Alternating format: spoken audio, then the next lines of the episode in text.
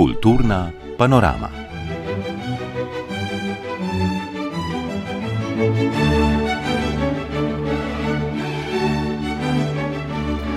Spoštovani poslušalci, cenjene poslušalke, lepo pozdravljeni v oddaji Kulturna panorama, tedenskem pregledu izstopajočih kulturnih dogodkov.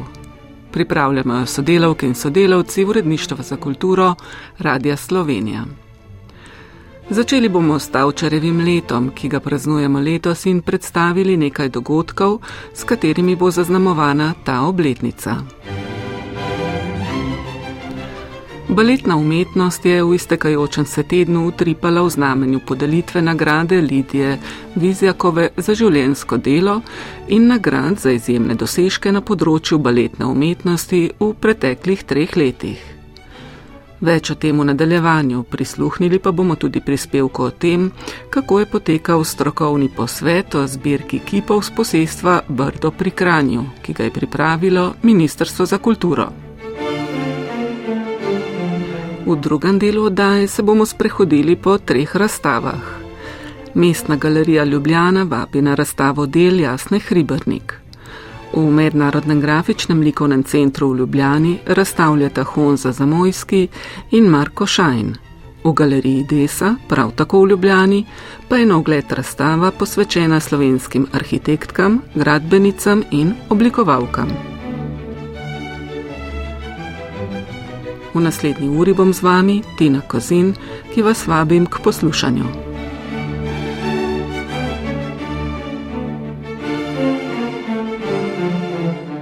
Na pobudo občine Gorenja vas Poljane je država lani leto 2023 razglasila za Tavčarevo leto.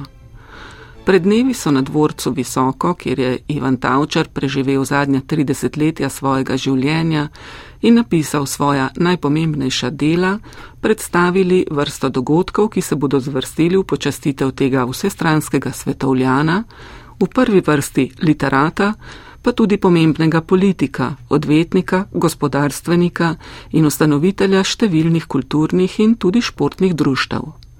Prispevek Romane Rjavec. Prav dejstvo, da je bil Tavčar tako vsestranska osebnost, je izjemna priložnost, je na predstavitvi dogajanja v Tavčarjevem letu dejal državni sekretar na Ministrstvu za kulturo Matej Ščelik Vidmar, da se pokaže, kako je lahko kultura prostor, kjer se povezujejo in dopolnjujejo najrazličnejše sfere družbenega življenja. Tavčer je bil zelo širok človek, ki se je poleg tega, da je bil literat, ukvarjal zelo veliko stvarmi. Uh, bil je politik, bil je pobudnik uh, in aktiven član in ustanovitelj različnih društev z področja prava, z področja kulture. Uh, bil je zelo napreden človek in je tudi skozi svoja dela, pa skozi to, kar je počel v življenju, podiral določene tabuje in Eh, premikal družbo naprej in zato se nam zdi Tavčarjevo leto predvsem lepa priložnost, da se ob praznovanju povežejo in van vključijo različni resorji. Da se na ta način pokaže, da je kultura temelj slovenske družbe, ampak da se pa z njo povezujejo tudi šolstvo, tudi turizem, tudi šport in tudi znanost. Predsednica programskega sveta Vseslovenskega Tavčarjevega leta Urška Perenič priznava, da bo Tavčarjevo vsestransko osebnost težko enoznačno predstaviti. Torej, ob stoti obletnici Tavčarjeve smrti želimo Tavčarja predstaviti eh, čim bolj mnogostransko, saj je bil vsestransko dejaven mož. Eh, to se pravi, da bo v spredju njegovo pisateljsko, literarno delo, potem pa tudi njegova odvetniška, pravniška dejavnost, eh, njegovo politično življenje in tudi njegova vloga v slovenskem gospodarstvu. Ker pa sem sama literarna zgodovinarka, si seveda želim, da bi najbolj osvetlili prav njegovo literarno delo, ker je to tisto, kar je Tavčarja načasovno preživelo. Torej njegovo pripovedništvo se je bil pravzaprav eden od stebrov slovenskega realizma v drugi polovici 19. stoletja. In prav pisanje je bilo ob vseh dejavnostih, s katerimi se je Ivan Tavčar srečal v svojem plodovitem življenju, tudi njemu samemu dodaja Urška Perenič najpomembnejše. Očitno se je Tavčar tudi tega zavedal, da je politika nekaj časnega, tisto, kar je nadčasno, pa je umetnost, je literatura. In Tavčarjevi začetki so pri umetnosti, besedni umetnosti in tudi na koncu svojega življenja, svoje življenjske in ustvarjalne poti se povrne kam drugam kot k umetnosti. Ko je konec 19. stoletja začel v samozaložbi izdajati svoje povesti, torej nekakšno zbrano delo, v katerega je vključil vsa svoja literarna dela in to tista, ki so se mu zdela najboljša, zapisal, da ga je politika izčrpala, da mu je popila moči in da čuti potrebo, da bi se znova vrnil k literaturi. Torej bila literatura za in vendarle nekakšno zatočišče in prostor svobode. In priložnost Tavčarjevega leta eh, vidim kot sjajno možnost, zato da se povežejo zlasti domači kraj, kraj, odkuder je Tavčar izhajal in ki jih je imel rad, in um, vsa Slovenija. Vendar se ne morem znebiti občutka, da je ta odnos večkrat zelo mačehovski. Namreč ni dovolj, da se neko leto samo razglasi za Tavčarjevo leto, uh, pač pa je potrebno uh, tu tudi nekaj strasti in odnosa do stvari. In zdi se mi, da je tu res pomembna lokalna raven, uh, kjer uh, pristopate do Tavčarja, do njegovega dela z neko posebno spoštljivostjo in tudi odnosom in strastjo. Ne na zadnje je Tavčar bolj kot kdorkoli zaznamoval svojo poljansko dolino, kjer se je rodil in preživel zadnja leta. Rojaki so mu zato, pravi župan občine Gorenje vas Poljane Milan Čadež, seveda izjemno hvaležni, kar so ne na zadnje zadnje desetletje dokazali tudi s tem, da so njegov dvorec povsem obnovili in mu vrnili tudi vsebino seveda pa od Tavčarjevega leta tudi veliko pričakujejo. Ja, seveda pričakujemo pa zanesljivo to, da Tavčarja ponovno predstavimo, to je vse največje odvisno od nas in pa seveda to je pa tudi prepoznavnost in pa promocija Poljan, Poljanske doline oziroma tam, kjer je Tavčar bil rojen in kjer je tudi največ ustvarjal. Večina dogodkov se bo zvrstila v Poljanski dolini. Župan Milan Čadež pa ob tem izpostavlja dva največja. Ja, predvsem je pa to stoletnica Sogolskega doma v Goreni vasi, ki se je ob odprtju imenoval tudi po dr. Ivanu Tavčaju in pa glede na to, da je bil prvi predsednik kolesarskega slovenskega društva, je pa tudi etapni cilj maratona Faranja na trasi nasproti dvorca na Visokem. Sicer pa je v teh dneh v začetku Tavčarjevega leta išla tudi knjižica, ki so jo naslovili naslovili kar poklon visoškemu gospodu, v kateri je zbran program letošnjih dogodkov. Sredi marca bosta tako med drugim stekla literarni in likovni natečaj, tekom leta pa se bodo na to odvila še različna predavanja, literarni in filmski večeri ter vodeni ogledi. Novembra bodo pripravili simpozij, Urška Perenič pa je tudi avtorica nove knjige posvečene Tavčarju. Knjiga bo šla predvidoma novembra. Um, z njo želim predvsem izrisati Tavčarevo pripovedništvo kot celoto, od njegovih začetkov v srednješolskih letih, pa prek tistih burnih desetletij 19. stoletja in do konca, ko je ob koncu svoje življenjske in tudi ustvarjalne poti vnovič zapel ljubezni, govorimo o cveti v jeseni in pa visoški kroniki, kjer se je povrnil v zgodovino rodov uh, Kalanovih na, na Visokem, kjer je tudi sam našel svoj poslednji dom. Mislim, da je to tudi sjajna priložnost za uživljanje slovenskih klasikov, ne samo klasikov realizma, ampak pravzaprav vseh tistih avtorjev, ki nas lahko v nekej časovni oddaljenosti še danes nagovarjajo in sem prepričana, da nam ima Tavčar še mnogo povedati. Prireditve posvečene Ivanu Tavčarju bodo torej potekale vse leto, tudi osrednjo slovesnost pa pripravljajo njegovi rojaki Maja v Gorenji vasi.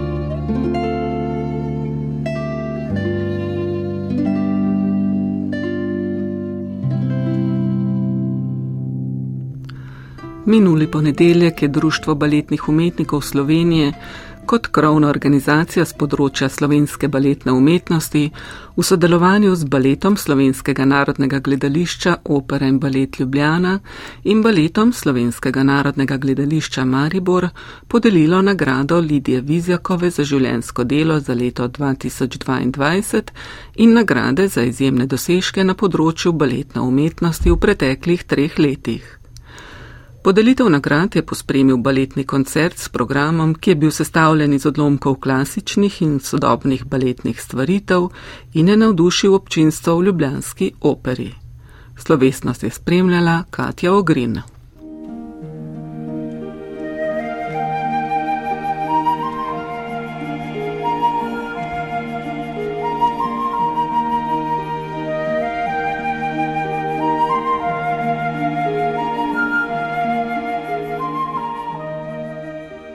Najvišje strokovna priznanja z področja baletne umetnosti v Sloveniji.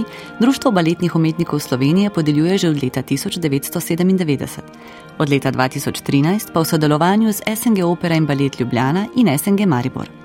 Na slovesnosti o podelitvi nagrad Lidije Vizjakove je občinstvo nagovoril predsednik društva Tomaš Rode ki je izpostavil pomembnost skrbi in priložnosti za domače plesalce, saj se ti izgubljajo v pisanosti mednarodnih zased baletnih ansamblov ali se odpravijo v tujino, kjer v boljših delovnih pogojih razveseljujejo tuje občinstvo. Spomnil je tudi na prikrajšanost domačih baletnih umetnikov in občinstva za izvirna domača baletna dela. Od zadnjega v celoti slovenskega baletnega dela, to je bil nori mala Rjana Zagregorca, ki je nastal po motivih iz življenja slikarja Jožefa Petkovška, je namreč minilo že 22 let. Rode je tudi član strokovne komisije, ki je izbrala prejemnike nagrad Lidije Vizjakove za leto 2022. Nagrad, ki jih vidi predvsem kot spodbudo in potrebno priznanje domačim baletnim umetnikom. Komisija je nagrade za posebne dosežke na področju baletne umetnosti v obdobju zadnjih treh let podelila plesalcem Tomažu Golubu, Filipu Juriču in Antoneti Turk, mladi slovenski baletni plesalki, ki svojo profesionalno baletno pot začenja v Narodnem baletnem ansamblu iz Brna. Svoj razkošen baletni talent je brusila najprej v Mariboru in nato na Mačarskem, kjer je po uspešnem študiju na ugledni univerzi v Budimpešti postala prva slovenska diplomirana balerina. Nas je opozorila ne le s svojim delom, temveč tudi z interpretacijo vlog in pokazala zavidljivo umetniško zrelost. Občutke v prejemu nagrade je takole komentirala. Sem hvaležna za to, pač sploh ne morem predstavljati. Uh, mislim, to je res nekaj nevrjetnega. To sem videla, ko sem bila majhna, take nagrade, sploh nagrado Lidija Vizjakova in si nikoli ne bi mislila, da bom to enkrat jaz. To je samo nek dosežek na poti, da mi dokaže, da, da grem v pravo smer, ampak se še veselim, kaj bo še naprej. Pa bi še naprej rada dala čim več, kot lahko za slovensko kulturo, ker se mi zdi prav. Tudi zaradi tega, ker eh, med drugim sem imela tudi. Um, Iz Ministrstva za kulturo sem imela štipendijo, ko sem šla v Budimpešti, da vsaj na nek način lahko vrnem vse to. Podobno vzhičen in hvaležen pa je bil tudi baletni umetnik Tomaš Golub, samozaposleni v kulturi in redni honorarni sodelavec SNG Maribor, kjer je svojo profesionalno pot tudi začel.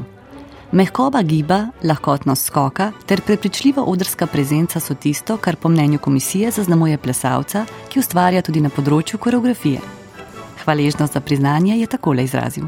Iskreno povedano, če bi lahko pisal, še vedno ne bi bilo dovolj izjemno sem srečen, ne samo zaradi nagrade, ampak bolj zaradi priznanja vsega trdega dela in truda, ker vseeno, dosti krat v baletu ne ostanejo stvari, dobiš priložnosti, plešeš, ampak slejko prej to izveni. Da pa dejansko je nekdo priznal moj delo, trud, pot, kri, soze, vse skupaj, je izjemno neopisljiv občutek. Filip Jurič, solist SNG Opera in Balet Ljubljana, je komisijo prepričal, da ni le plesalec z izjemno baletno tehniko, temveč ga zaznamuje tudi umetniška in odrska karizma, ki mu omogoča oblikovanje spektra karakterno različnih vlog. Ob vsej tehnični in umetniški izjemnosti pa si Filip Jurič za prihodnost želi predvsem rad bi čim več plesal. Upam, da se ne ponovi več kakšna situacija, kot smo imeli s koronavirusom za zaprtje oper in tega. Držim pesti, da se to več ne ponovi, drugače pa samo, da smo čim več na odru, da čim več plešemo in da čim več pokažemo naši publiki, da obstajamo, da smo. Nagrado Lidije Vizjakove za življensko delo v letu 2022 je Društvo baletnih umetnikov Slovenije podelilo nekdani prvakini baleta SNG Opera in Balet Ljubljana ter baletni pedagogini Snežni Neni Vrhovec, umetnici, ki je pustila izjemen pečat v slovenski baletni zgodbi. Bila je zanesljiva, občutljiva, natančna in tehnično odlična balerina, sposobna oblikovanja vlog s paleto najrazličnejših obrazov, karakterjev in občutij. Kot nam je zaupala, je bil odr njen pobeg, prostor, kjer je lahko zaživela in se izrazila v različnih vlogah. Svoje umetniško življenje, znanje in bogate izkušnje pa je na to strastjo prenašala na mlade baletne navdušence. Nena vrhovec pravi, da balet enostavno moraš imeti rad. O prejemu nagrade je takole sklenila svoje misli presenečena sem bila, v bistvu, no, ker malo starejši tudi dobivajo te nagrade. Sem že dolg od odra, ampak sem pač tako mlada začela. Tako da uh, zelo sem bila počaščena, ker sem zvedla. No. Številne nagrade za umetniške dosežke, ki jih je Društvo baletnih umetnikov Slovenije podelilo do danes, dokazujejo, da slovenski balet s svojimi interpreti, tako ljubiteljem kot poznavalcem baletne umetnosti ter strokovni javnosti, ponuja visoko bero umetniških dosežkov, s katerimi baletni umetniki v Sloveniji bogatijo državno zakladnico umetnosti. Ti pa si, kot smo lahko slišali letošnje nagrajence, želijo le priložnosti, da bi pokazali svoje znanje in trdo delo. In predvsem, da bi lahko plesali, plesali, plesali.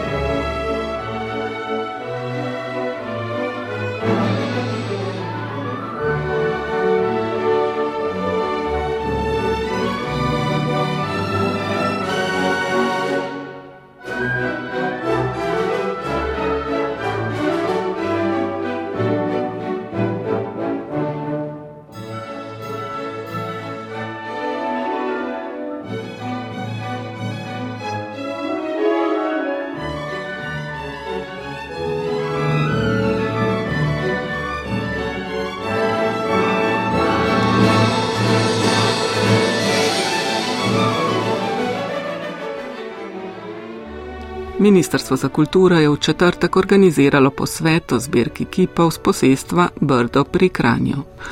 Spomnimo, nekaj kipov iz zbirke so iz parka na Brdu in iz Polč preselili v odprti depo parka vojaške zgodovine v Pivki. Ta premik je bil po mnenju številnih izveden brez jasne strokovne utemeljitve, zakonsko vprašljivi naj bi bili tudi postopki.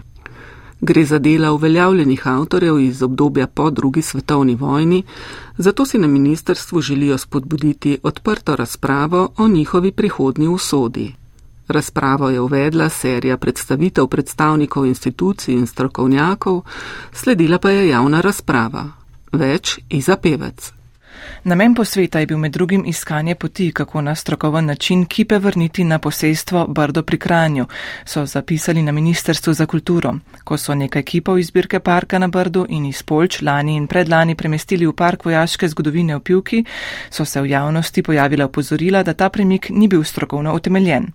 Zato so se na ministrstvu z vprašanjem zbirke začeli ukvarjati že junije, je povedala ministrica za kulturo Asta Vrečko. Stališče Ministrstva za kulturo seveda je, da je bila predstavitev neprimerna, da ni šlo za nek prenos, ki bi šel po ustaljevnem postopku, ampak za neko arbitrarno odločitev brez strokovnih uh, podlag, uh, ki je bila tudi izvedljena um, na nek um, nekonvencionalen način in zaradi tega si tudi želimo, da bi kipi, ki so sedaj uh, v pivki prišli nazaj v park Brdo, hkrati pa, in to je bil tudi eden izmed namenov posveta, bi tam bili postavljeni strokovno, tako kot morajo, da pravzaprav zaživijo skupaj z ostalimi plastikami, parkovno ureditvijo in najbolj, kar se da dostopno um, obiskovalcem.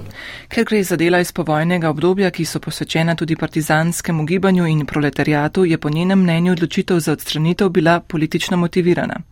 Tudi Špela Spanžel, vede generalnega direktorja direktorata za kulturno dediščino, je izpostavila, da so bili odpeljani le nekateri kipi iz te zbirke, drugi z drugačno ikonografijo pa so ostali tam.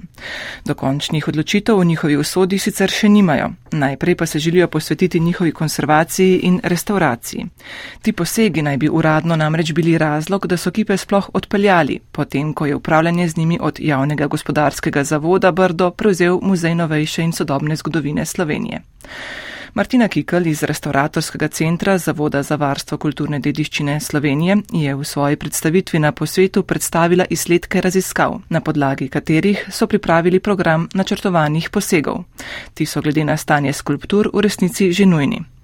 Mateuš Rimškar iz Zavoda za varstvo kulturne dediščine Slovenija, območna enota Kran, je predstavil zgodovino posestva, Gojko Zupan z direktorata za kulturno dediščino na Ministrstvu za kulturo pa je osvetljiv likovni vidik obravnavanih skulptur. Likovna kakovost po njegovih besedah niha.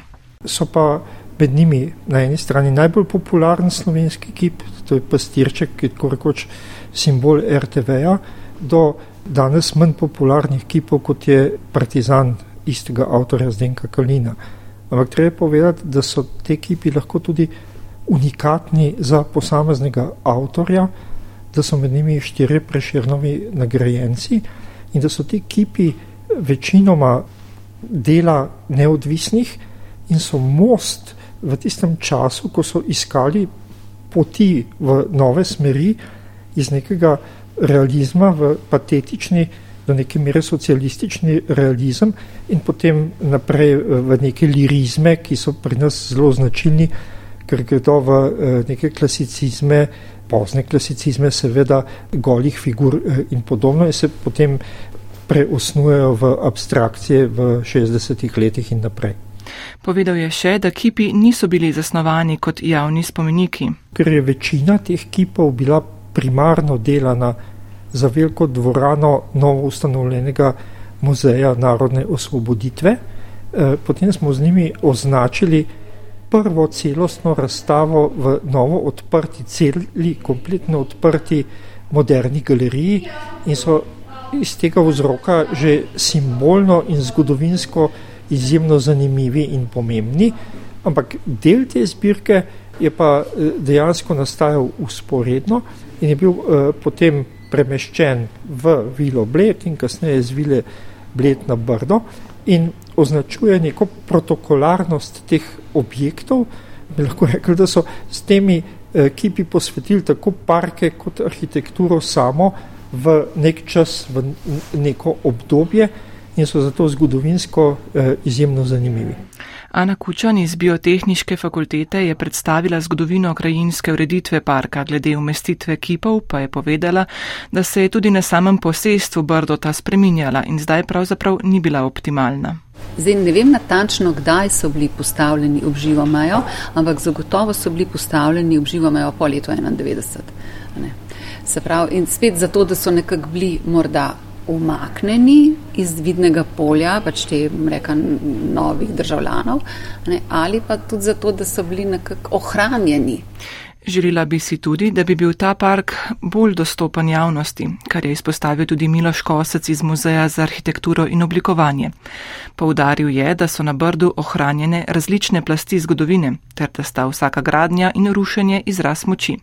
Kipi na kolesih so slaba novica, je menil o premikanju del, o soočanju z zgodovino obremenjenimi deli pa je dodal. Pri umetniških delih je neizogibno, da jih posamezniki različno razumejo. Ampak, ko jih pa začnemo umikati, ko začnemo prostor prilagajati z rušenjem, čiščenjem, umikanjem neke določene plasti, razvrednotimo tudi vse ostale plasti. Če bo to postal nek ustaljen postopek, mislim, da se bomo zelo oddaljili od tega ideala, da bi taki posebni prostori, pa tudi javni prostor, kjerkoli, ne bi bil več nosilc identitete, znak vseh časov, skozi katere smo prišli, da smo danes tukaj, kot smo, in da to ni neko čiščenje, to je v bistvu amnezija. Pomembno je še pravi, da se soočamo z vsemi deli zgodovine, saj zgodovine ni mogoče omakniti, lahko jo le potlačimo. Vsi posegi v takšne prostore morajo biti dobro premišljeni. Brdo je bil vse v svoji zgodovini posestvo, ki se ga je urejalo s tresočo roko, predvsem pa s pogledom na naslednjih 100, 200, 300 let. Za časa lasništva baronov Cojzov je bil Fidej Kumis, ne, neprodajno dedno posestvo, ki ga ni bilo dovoljeno obremeniti z uh, dolgovi, ki je moral v enem kosu biti predan naslednjemu dediču. Tako so feudalne družine ohranjale svoje premoženje nedotaknjeno in zato so bili Cojzi na Brdu prisotni 200 let. Tudi ostale države, ostali oblastniki, ki so imeli vlasti Brdo, so do Brda pristopili na podoben način. Nažalost, po letu 1991, ravno v obdobju, ko posestvo podeduje samostojna Republika Slovenija, se začne Brdo zelo eh, naključno, mogoče včasih zelo zihto razvijati glede na trenutne potrebe. Postavimo kongresni center sem, prenovimo hotel tam, zato ker se mudi.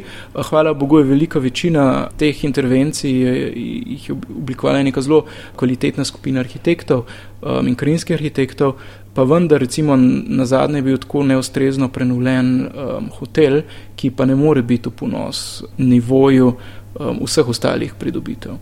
Predstavitvam je sledila živahna javna razprava.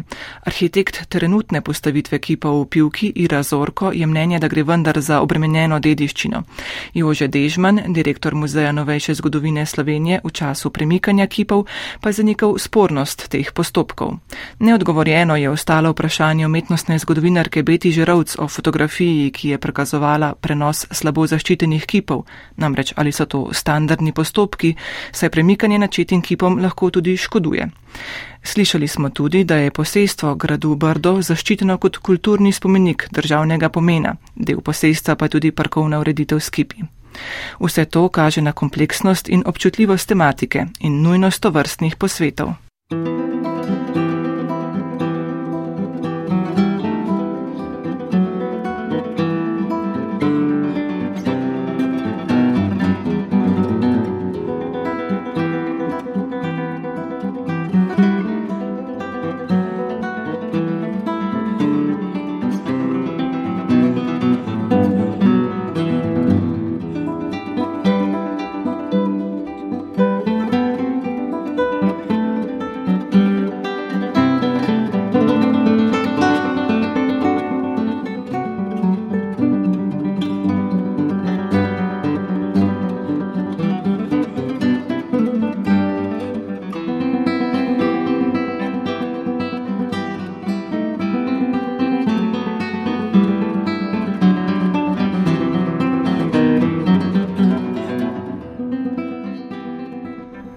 Mestni galeriji Ljubljana so v torek odprli razstavo režiserke, videastke in intermedijske umetnice Jasne Hribernik, ki v slovenskem in mednarodnem prostoru uspešno deluje že več desetletij.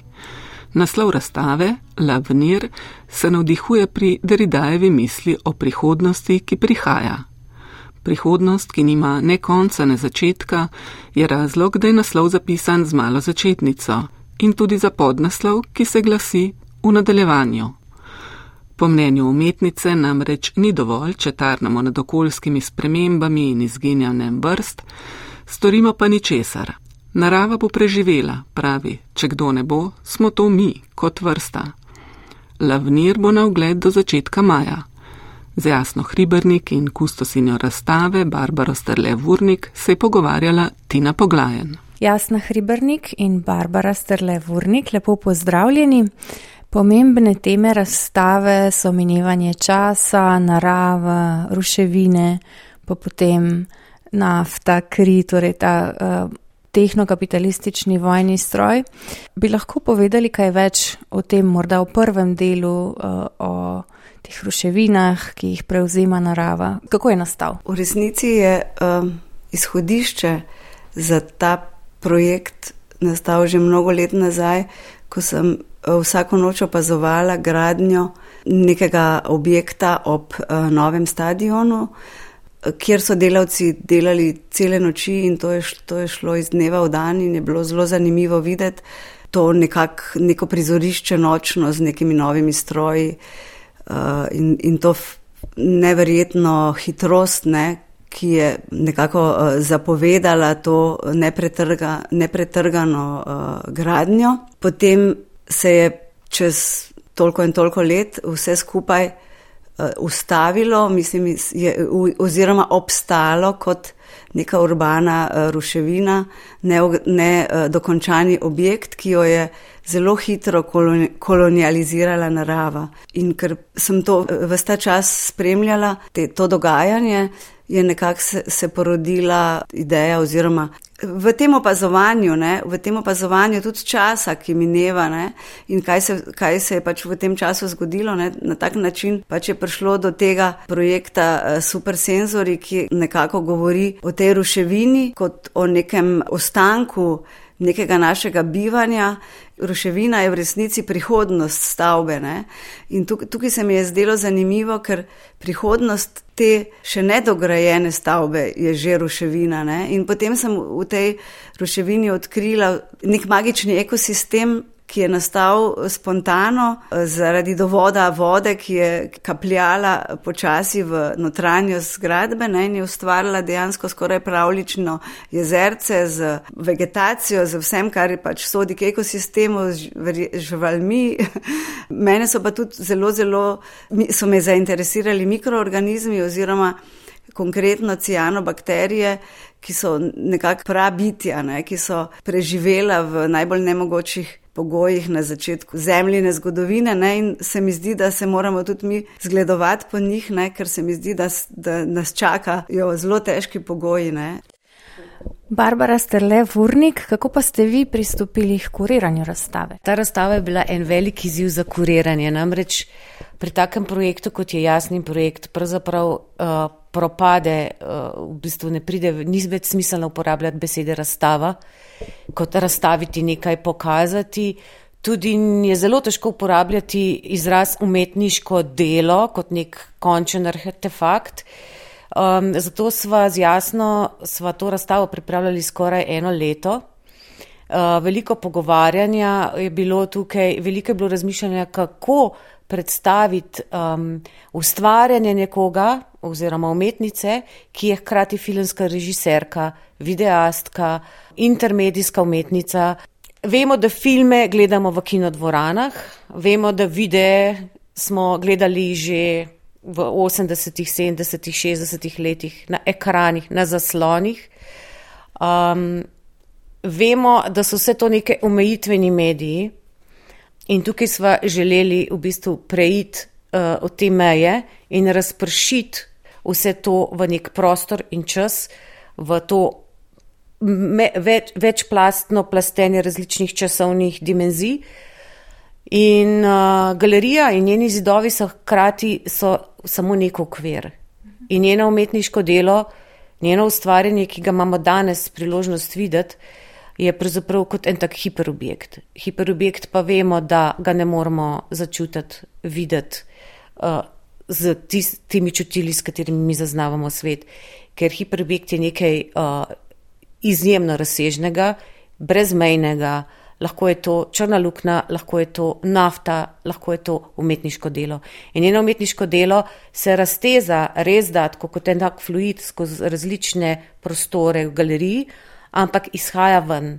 Na obeh straneh, kjer je možno, izhaja v javni prostor s projekcijo v javnem prostoru in potem v zadnjem delu galerije v vrt in se razprši v okolje oziroma v zrak nad mestom. Tisto, kar sem si jaz kot kuratorka želela, je, Jasno, Hribernik spremljam že leta in leta in me navdušujejo prvič njen pristop do gibljive podobe. Že sam medij sam je v bistvu neulovljiv. Potem je pa še tema časa, tema ruševine, nečesa, kar se spreminja in je nestabilno. Živimo v nestabilnih časih. Kako to v bistvu sploh artikulirati? Najlažje je to narediti tako, da uh, v bistvu obiskovalca povabiš z nekim triggerjem, da vstopi in da se potem svobodno giblje po tem prostoru.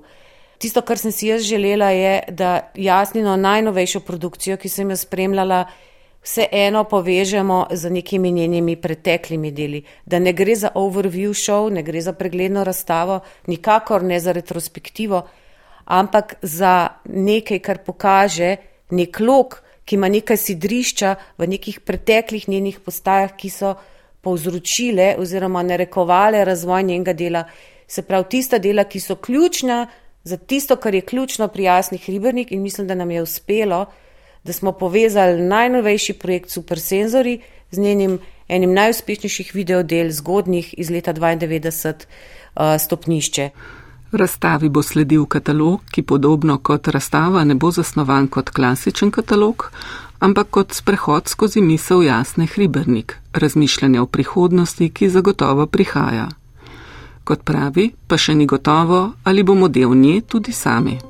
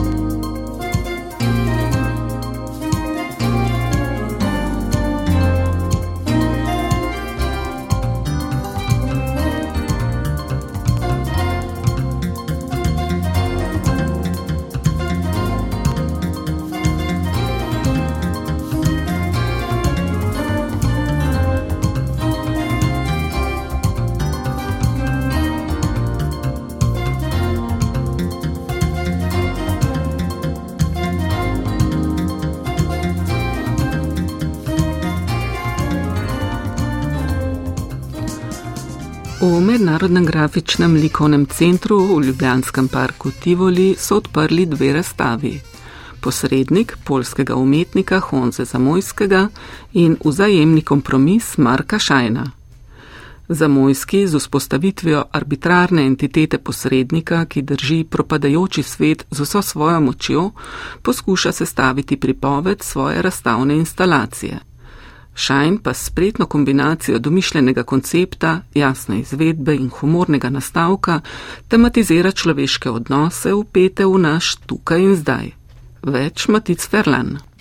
Mednarodni grafični likovni center na ogled postavlja nove razstavne projekte. Osrednje mesto zaseda polski umetnik, oblikovalec, založnik in kustos Honza Zamojski, ki je slovenski publiki poznan že iz 33. grafičnega bienala Ljubljana Vice v Lisice, kjer je za svojo intervencijo v projektnem prostoru Društva umetnikov prejel nagrado občinstva. Tokrat se predstavlja s projektom Posrednik, o katerem pove. The middleman, according to the show, according to the exhibition, Posrednik v razstavi lahko odigra več različnih vlog. Morda je to obiskovalec, ki vstopi v Tibolski grad, torej natančno v njegovo središče.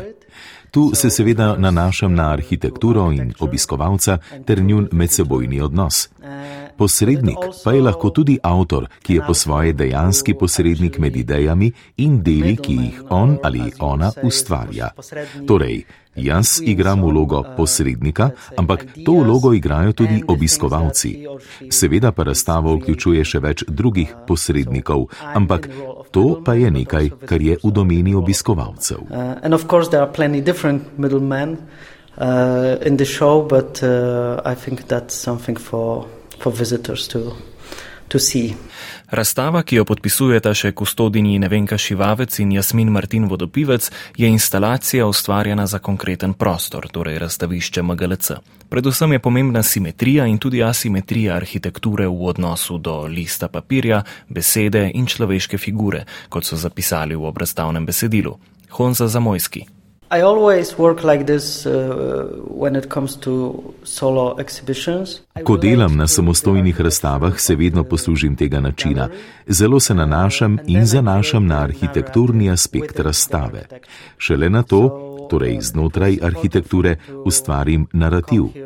Zato je bilo tudi pomembno, da sem v Ljubljano prišel že vnaprej.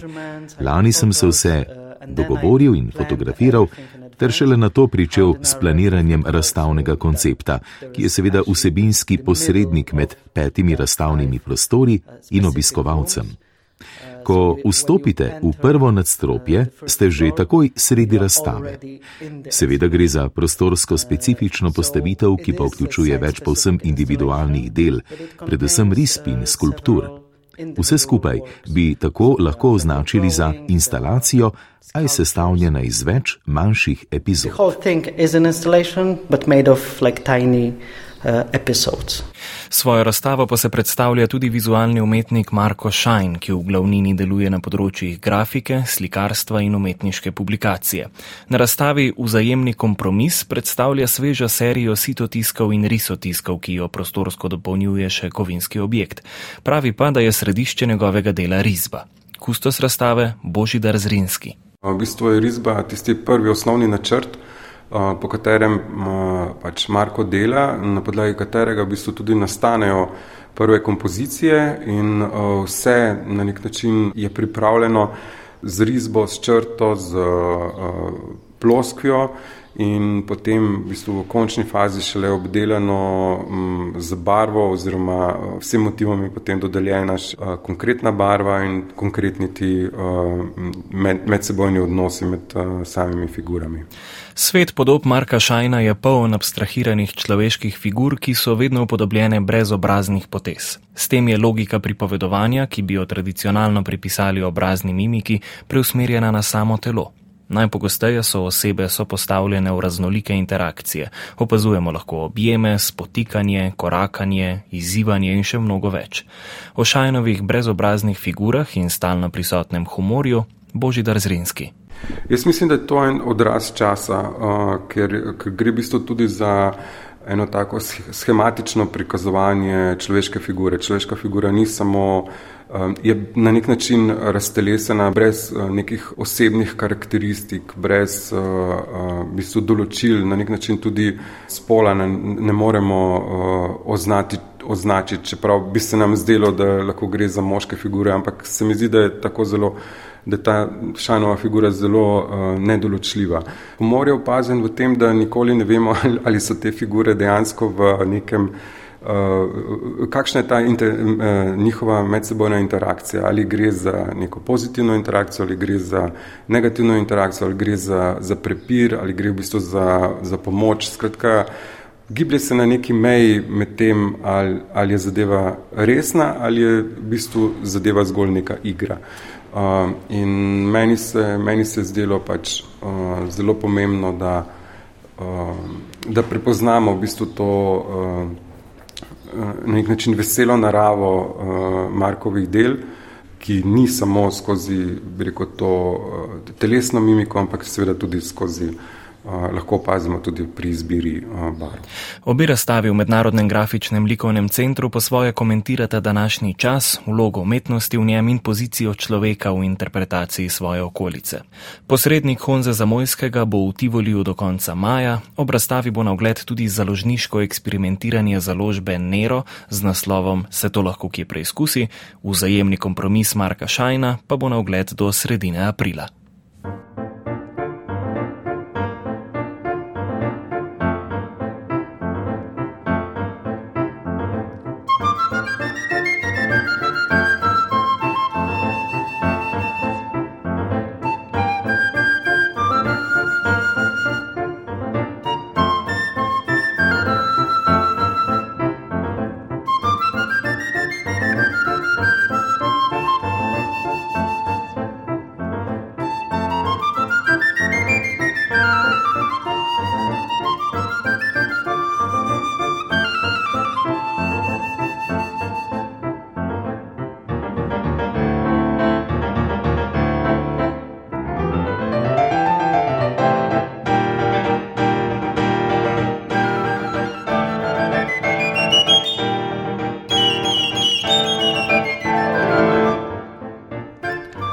Ponedeljek pa so v Ljubljanski galeriji Desa na židovski stezi odprli razstavo z naslovom V spredje šest slovenske arhitektke, gradbenice in oblikovalke.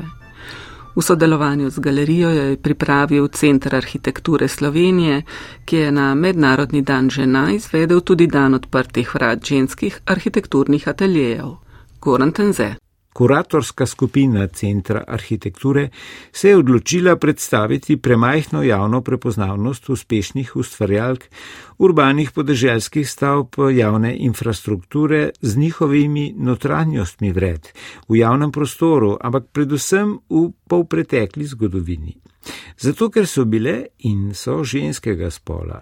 Tako so nam tudi prav časovno blizu Mednarodnega dneva žena, simbolnega opomina na politično, pravno, ekonomsko, ne nazadnje pa na bojevito plat osvobajanja žensk iz okovov patriarhata, omogočili v pogled v ta segment vloge nekaj ženskih ustvarjalk v omenjenem obdobju. Deset panojev v galeriji Desa ponuja deset imen avtoric, od katerih sta dve že pokojni. Judita Danila Černič Zupančič, Monika Fink Serša, Maruška Kotnik, Maja Tasič, Demšar, Darja Mrevle Polak, Mojca Švigl Černigoj, Andreja Juk, Evita Lukeš, Jadranka Grmek in Ilka Čerpes. Razstavo je pripravil Centr arhitekture Slovenije, kot rečeno, z več arhitektkami in arhitekti. Naši gostje so bili Miha Benčina, študent arhitekture, Nives Čorak in vodja centra Barbara Viki Šubic, ki je za začetek opisala genezo projekta. Ko smo leta 2016 se eh, ZRC Sazuju pridružili pri projektu Momovo, ustvarjalnost žensk eh, od modernizma dalje, smo začeli raziskovati resnično predvojne in povojne arhitektke eh, in jih predstavljali. Šlo je za avtorice, katerih dela so bila pomembna, včasih tudi ne objavljena ali pa ne zapisana kot z avtorstvom, ker je takrat še vedno veljalo ali pa so posle prinašali v biroje moški. Moški so bili običajno tudi, ko bi rekel, vodje birojev in potem so se te, ta avtorstva nekako zakrila.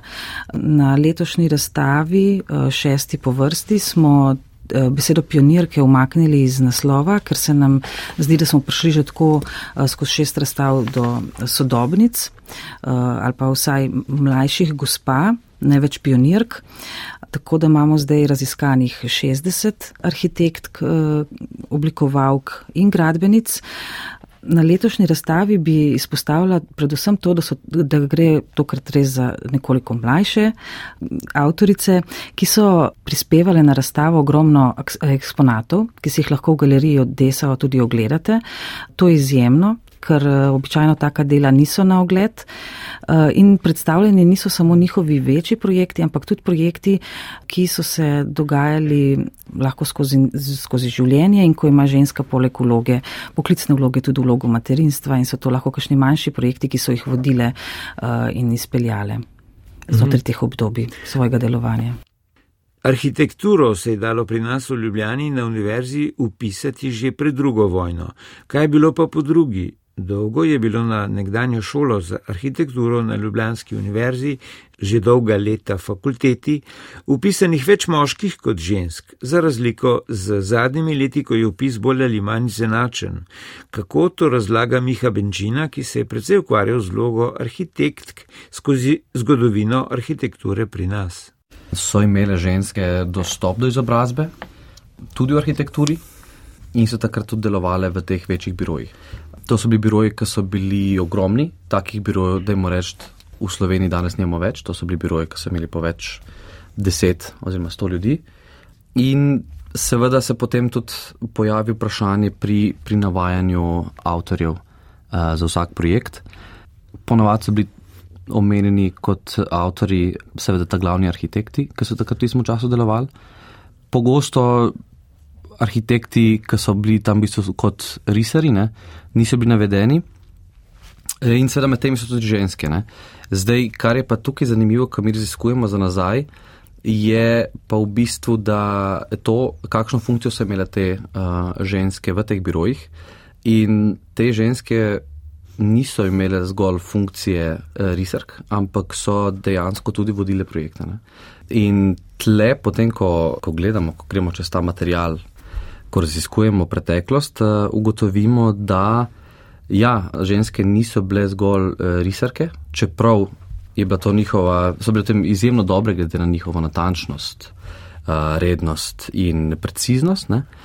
Ženske so takrat tudi vodile projekte in so bile zadolžene tudi za gradnje večjih, večjih projektov, kot so recimo ekonomska fakulteta, zavod, ki je bil za izgradnjo trga republike in tako naprej. Kako pa je bilo z zastopanostjo profesoric na šoli za arhitekturo? Barbara Viki Šubic je začela ta študij v začetku 90-ih let. Ali so ji predavale profesorice, arhitektke? Ne. V naših časih eh, študija, se pravi v 90-ih, smo imeli samo profesorje. Sicer je bila pred, eh, pred mojim prihodom na fakulteto tudi profesorica, ne Rusanova. Kaj pa Ilka Čerpes? To so kasneje. To so, to so vse Aha, kasneje. Ja, to je vse kasneje in tudi uh, živa del. Uh, zdaj jih je kar nekaj. Zdaj se absolutno govorim res uh, o začetku uh, 90-ih, ko smo se upisovali na fakulteto. Zdaj mislim, da, da so te stvari uh, uravnotežene in da imajo pač predmete in seminarije uh, tudi profesorice. In eh, kaj so govornica misli o splošnih pogojih za enakopravno soočanje in napredovanje posameznikov in posameznic na širokem področju arhitekture? Ta ustroj države nudi tudi gospem, mladim mamam, če lahko tako rečem, možnosti, da se vdejanijo v svojemu poklicu, zdaj kot projektantke ali pa v kakršnem koli drugi smeri, eh, ki jih ta poklic omogoča. Ja, se strinjate. Glede na to, da so biroji, vseeno redko vidimo neke biroje, ki so ki samo ena oseba, um, mm. so biroji vedno, mislim, ponavadi več ljudi in težko potem mi zdaj ločujemo. So mešani, ne, pri, pripada, mm. tako je. Ja, arhitektura je večinoma neka kolektivno delovna. Ne glede na slišano, sogovornici in sogovornik ustrajajo na pripravi dneva odprtih vrat arhitekturnih birojev, kot je bil to sredo 8. marca. Kaj je prednost takih dnevov? Nives Čorak. Prednost v bistvu odprtih vrat na dan 8. marca, seveda, eh, je odpreti vrata arhitekturnih birojev, ki ni nujno, da so avtorice oziroma da so uh, lastnice teh birojev tudi ženske, lahko je tudi širša ekipa odpreti širši javnosti uh, delo arhitekt, arhitektov na splošno in prikazati vse plasti dela arhitekturnega področja. Razstava z naslovom V spredje šest slovenske arhitektke, gradbenice in oblikovalke, že šesta izvedba predstavitve, zdaj že 60 žensk od leta 2016 naprej, bo odprta predvidoma do 13. aprila v Ljubljanski galeriji Dessa.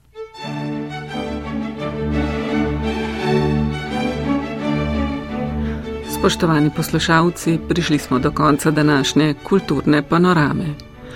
Prispevke so pripravili Romana Rjavec, Katja Ogrin, Iza Pevec, Tina Poglajen, Matic Ferlan in Goran Tenze. Glasbeno opremo je pripravila Tina Ogrin, posnel je Franci Moder, redaktorstvo in vodenje pa sem prevzela Tina Kozin.